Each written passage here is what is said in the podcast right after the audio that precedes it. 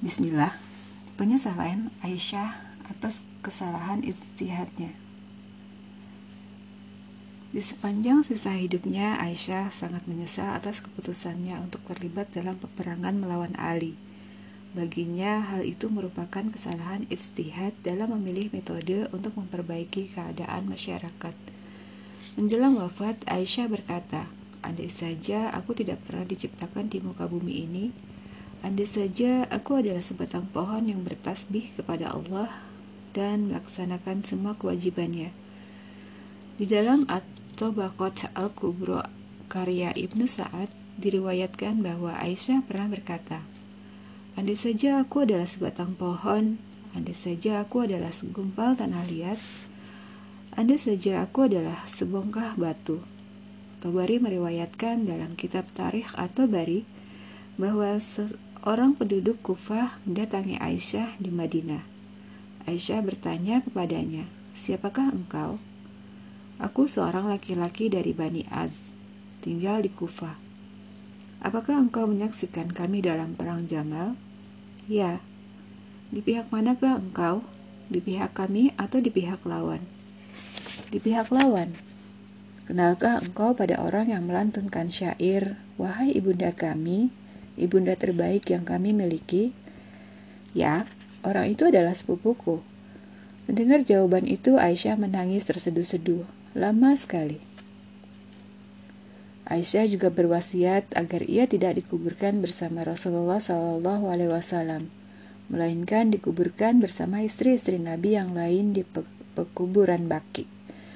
Diriwayatkan bahwa Aisyah berwasiat kepada Abdullah bin Zubair Jangan kuburkan aku bersama mereka, Rasulullah Wasallam, Abu Bakar dan Umar. Kuburkan aku di baki bersama sahabat-sahabatku. Aku sama sekali tidak akan pernah layak memperoleh kehormatan itu. Hadis riwayat Bukhari. Dalam riwayat lain, Aisyah berkata, Aku tidak suka memperoleh kehormatan yang tidak pantas kuterima itu. Hadis riwayat Bukhari. Aisyah memang pernah menginginkan agar dirinya dikuburkan di rumahnya di sisi Rasulullah Shallallahu Alaihi Wasallam dan Abu Bakar, tetapi kemudian berkata, setelah kematian Rasulullah Shallallahu Alaihi Wasallam, aku telah melakukan hal baru yang bertentangan dengan sunnah beliau. Maka kuburkanlah aku di baki. Hadis riwayat Hakim. Ibnu Sa'ad meriwayatkan bahwa setiap kali Aisyah membaca ayat dan hendaklah kamu tetap di rumahmu. Quran Surat Al-Ahzab ayat 33. Ia selalu menangis terseduh-seduh hingga air matanya membasahi kerudungnya. Hubungan Ali dan Aisyah Beberapa sejarawan yang memiliki afiliasi politik tertentu dan pola pikir yang tidak objektif mengira bahwa Sebab utama yang mendorong Aisyah untuk terlibat dalam pertempuran melawan Ali adalah dendam pribadi. Menurut mereka, dendam itu mulai muncul saat peristiwa hadis Sul'ifki berita bohong terjadi. Ketika Rasulullah Wasallam menanyakan kasus Aisyah kepada Ali, maka Ali berkata, "Wahai Rasulullah, Allah sungguh tidak ingin menyulitkanmu dalam masalah ini. Masih banyak perempuan lain selain Aisyah jika engkau ingin tahu tentang Aisyah, maka bertanyalah kepada pelayannya. Ia pasti akan berkata jujur kepada engkau. Para sejarawan itu berpikir bahwa Aisyah tidak mungkin melupakan apa yang dikatakan Ali itu. Lagi pula, peristiwa hadisul ifki benar-benar merupakan sebuah ujian paling berat yang dihadapi oleh Aisyah. Ia nyaris celaka seandainya Allah tidak menurunkan rahmatnya kepada Rasulullah Shallallahu Alaihi Wasallam dan Aisyah. Akan tetapi anggapan itu disangkal dengan penjelasan yang telah dipaparkan di atas.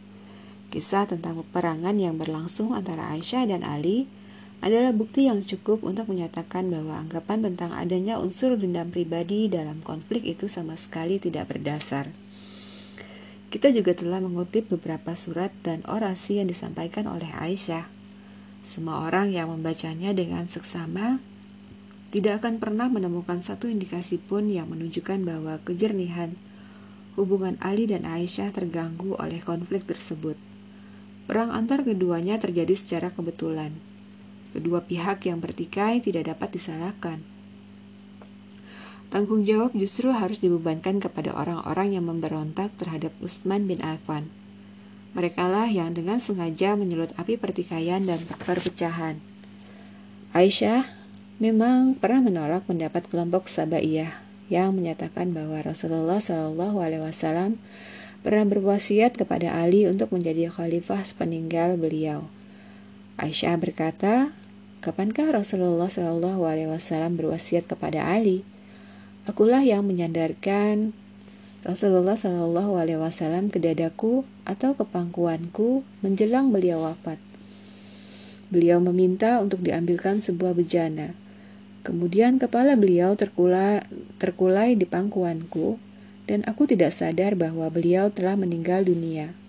Lalu, kapankah beliau berwasiat kepadanya? Hadis riwayat Bukhari, Muslim, Nasai, dan Ibnu Majah. Akan tetapi hal itu tidak bisa dijadikan indikasi bahwa Aisyah membenci Ali atau bahwa hubungan di antara keduanya memburuk. Satu-satunya penjelasan yang masuk akal adalah penjelasan yang mengatakan bahwa Aisyah hendak menjelaskan sebuah fakta historis tidak lebih dari itu. Uqbah bin Subhan al-Hanai pernah bertanya kepada Aisyah tentang tafsir ayat Kemudian kitab itu kami wariskan kepada orang-orang yang kami pilih di antara hamba-hamba kami. Lalu di antara mereka ada yang menzalimi diri sendiri, ada yang pertengahan dan ada pula yang lebih dahulu berbuat kebaikan. Quran Surat Arab Fatir ayat 32 Aisyah menjawab, Wahai anakku, semua orang itu masuk surga. Mereka yang lebih dahulu berbuat kebaikan, adalah orang-orang yang meninggal pada masa Rasulullah Shallallahu Alaihi Wasallam. Beliau adalah saksi atas hidup dan mati mereka. Kelompok pertengahan adalah para sahabat yang terus menjalankan sunnah-sunnah beliau hingga mereka meninggal dunia. Adapun mereka yang menzalimi diri sendiri adalah orang-orang seperti aku dan kalian. Hadis riwayat Hakim, Tabrani, dan Tayalisi. Suatu hari, Amar dan Astar mendatangi Aisyah dan meminta izin untuk menemuinya. Amar berkata, Wahai ibunda, aku bukan ibumu, jawab Aisyah. Engkau tetap ibuku meski engkau tidak suka. Siapa orang yang bersamamu ini? Tanya Aisyah. Astar. Mengetahui hal itu, Aisyah segera bertanya kepada Astar. Engkaukah yang berniat untuk membunuh keponakanku, Abdullah bin Zubair? Ya, aku ingin membunuhnya dan dia pun ingin membunuhku, jawab Astar. Andai engkau berhasil membunuhnya, maka engkau pasti tidak akan pernah beruntung. Aku mendengar Rasulullah Shallallahu Alaihi Wasallam bersabda, tidak halal darah seorang Muslim kecuali karena tiga perkara, yaitu membunuh orang lain, berzina setelah menikah, atau keluar murtad dari agama Islam. Hadis riwayat Ahmad. Dalam riwayat lain, kisah di atas disebutkan dengan versi yang sedikit berbeda. Aisyah berkata kepada Amar, "Wahai Amar, engkau pasti telah mengetahui sabda Rasulullah Alaihi Wasallam berikut ini: Tidak halal darah seorang Muslim kecuali karena tiga perkara: kafir, setelah memeluk Islam, berzina setelah menikah, atau membunuh orang lain sehingga ia layak dibunuh. Hadis riwayat Tayalisi. Hadis ini menjadi bukti yang sangat kuat bahwa ketika Aisyah menggalang pasukan, ia sama sekali tidak berniat untuk menumpahkan darah atau memerangi orang-orang yang tidak bersalah. Ketika Aisyah bertolak dari Mekah, satu-satunya tujuan yang ada dalam pikirannya adalah memperbaiki keadaan umat Islam serta menuntut agar para pembunuh Utsman dijatuhi hukuman dan kisos. Ali memang pernah berkata, Wahai Rasulullah, Allah sungguh tidak ingin menyulitkanmu dalam perkara ini. Masih banyak perempuan selain Aisyah. Orang-orang tertentu dari Bani Umayyah memanfaatkan perkataan itu untuk mendiskreditkan Ali.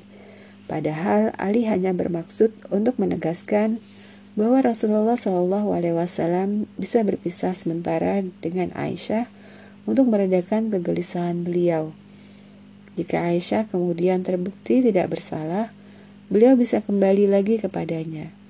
Ketika orang-orang itu tidak bisa menemukan dasar yang kuat serta bukti yang tegas guna menjelek-jelekan dan menghancurkan kehormatan Ali, maka mereka pun menjadikan pernyataan Ali di atas sebagai salah satu senjata. Allah telah berjanji bahwa orang yang mengambil bagian terbesar dari dosa yang diperbuatnya dalam penyiaran berita bohong akan masuk neraka.